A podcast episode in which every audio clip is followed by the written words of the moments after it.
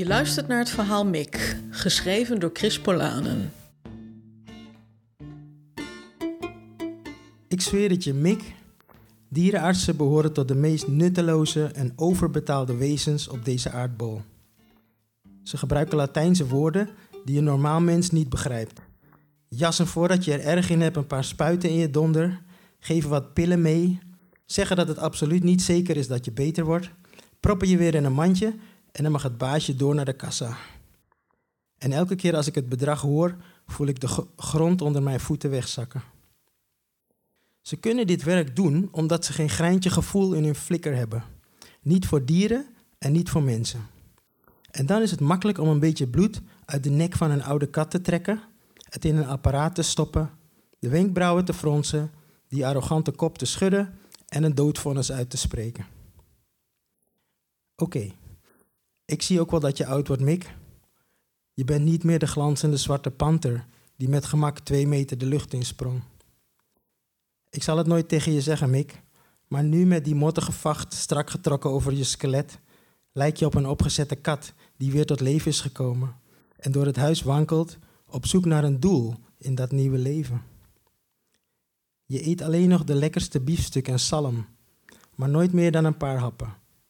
Het lijkt alsof je vergeten bent hoe je moet kauwen. Je slikt de flinterdunne stukjes door alsof het steentjes zijn.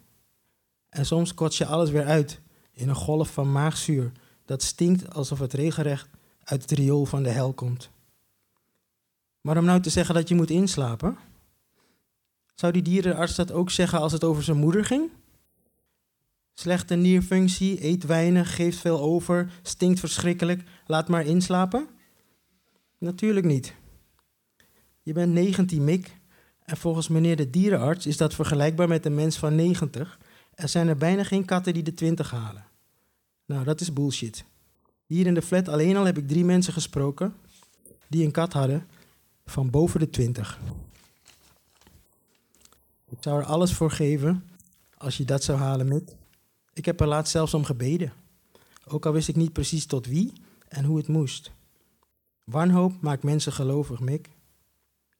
Ik heb op internet ook gezien dat je in Amerika een niertransplantatie kan doen bij een kat. Dan wordt er een nier weggehaald bij een zwerfkat. Je moet die zwerfkat dan wel adopteren en er tot zijn dood voor zorgen. Toen ik de dierenarts vroeg of dat in Nederland ook kon, zei hij van niet, omdat de overheid daarom ethische redenen geen toestemming voor gaf. En hij keek me heel giftig aan. Volgens mij omdat hij zich realiseerde hoeveel geld hij met die transplantaties had kunnen verdienen.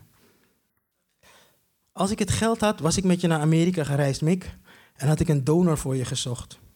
Een jonge, gezonde donor met een nier die minstens tien jaar mee zou gaan.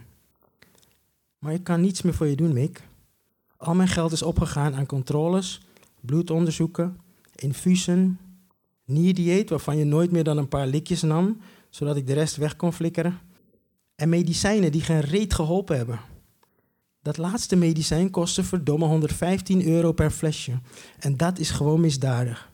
Ooit, Mick, moet er onderzoek komen naar deze oplichterij en moeten er dierenartsen de bak in. Ik heb daar in mijn gebed ook specifiek om gevraagd. Mick, toen jij kwam als schattig klein pluizenbolletje, had ik een moeder, een man, kinderen, een baan en een toekomst. Nu ben alleen jij er nog. Tijdens de scheiding kozen de meeste partij voor Hans. En dat verbaasde mij niet eens, want hij was een lieve man en een goede vader. En als zo iemand een keertje vreemd gaat, spreekt iedereen zijn afkeuring uit, maar niemand vindt dat echt heel erg. Zelfs mijn moeder vond dat ik niet genoeg had gedaan om mijn huwelijk te redden. En daar zat ik dan met de kinderen tijdens de koudste winter van de afgelopen twintig jaar. In een tochtig huurfletje in de Bijlmer. Met alimentatie die precies genoeg was voor tweedehands kleding en brood met pindakaas van het huismerk. S'avonds huilde ik met jou op schoot, Mick, en je likte de tranen van mijn gezicht. Geen man heeft dat ooit gedaan. De tong van een kat is ruwer dan van een mens, maar jij gebruikte de jouwe met meer liefde dan menig man. Je hebt de mannen zien komen en gaan, Mick. Natuurlijk, er was geen gebrek aan aandacht. Ik zag er goed uit en ik had voorhands nauwelijks vriendjes gehad, dus ik had wat in te halen. Als ze bleven slapen, sprong je er ochtends als een tijger bovenop. met je klauwen en lichaamsdelen die onder de dekens uitstaken. Dat was lachen. Wat een verzameling was het Mick en geen van ze is gebleven. Players, moeders, kindjes, mislukte kunstenaars, twijfelaars over gender en identiteit. Bindingsangst, narcisme, depressie, posttraumatische stoornissen. En ja, natuurlijk impotentie. Want hoe ouder je wordt, hoe kleiner de kans dat je een normale man treft die wat meer in bed kan dan snurken. Ik vertelde het je als ik verliefd was, als ik twijfelde tussen twee, als ik er twee tegelijk had, als ik van plan was het uit te maken, als ik kapot was omdat ik gedumpt was of omdat er eentje plotseling verdwenen was. Natuurlijk begreep je niet precies wat ik zei, Mick, maar je reageerde wel degelijk. Ik zag je pupillen verwijden en vernauwen als ik je vertelde hoeveel pijn ik had. Eigenlijk kon ik aan de manier waarop je op een man reageerde al alles zien. Als je blies, je bek opengesperd als een demon, dan was het foute boel. Maar als je spinnend langs hun benen streek, verdiende zijn kans. Dat waren degenen aan wie ik nu nog met een glimlach terugdenk, hoe gek ze ook waren. De kinderen hielden van je en je liet je hun hardhandige spel wel gevallen. Toen ze ouder werden, verloren ze hun interesse in jou en jij in hen. Je was blij toen ze het huis uitgingen en ik eerlijk gezegd ook. Kinderen zijn voor hun moeder eigenlijk maar op een paar momenten in hun leven echt leuk. Voor de rest is het een hoop gezeik. Jij bent de enige tegen wie ik het durf te zeggen, Mick. Naast mij was mijn moeder de enige van wie je hield. Toen ik haar in huis nam om voor haar te zorgen, werd jullie band steeds hechter. Je sliep bij haar in bed en bleef het liefst aldoor in haar buurt. Toen ze stierf en hier opgebaard lag, bleef je dicht tegen haar aan liggen, alsof je haar toch nog je warmte wilde laten voelen. En na haar dood hoorde ik haar nog heel lang s'nachts tegen je praten, Mick. Haar stem was krachtig en ze schold weer, net als vroeger, als een echte Amsterdamse. En nu zijn wij alleen over Mick. Ik ben de laatste jaren zoveel aangekomen dat er niet veel mannelijke aandacht meer is.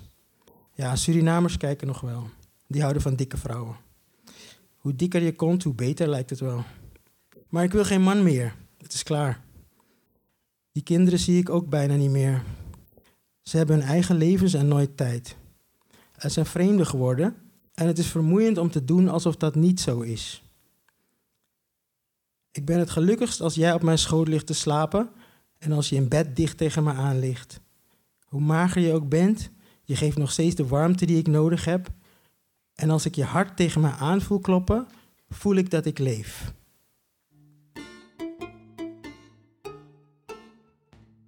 Je luisterde naar het verhaal Mick, geschreven door Chris Polanen voor het slaapprogramma Mens en Dier in de Literatuur. Dit programma vond plaats op 20 april 2023 in de Tolhuistuin in Amsterdam-Noord. Chris Polanen is dierenarts en schrijver. Zijn debuutroman Waterjager verscheen in 2017 bij Lebowski Publishers. Vier jaar later verscheen bij diezelfde uitgever de roman Centaur.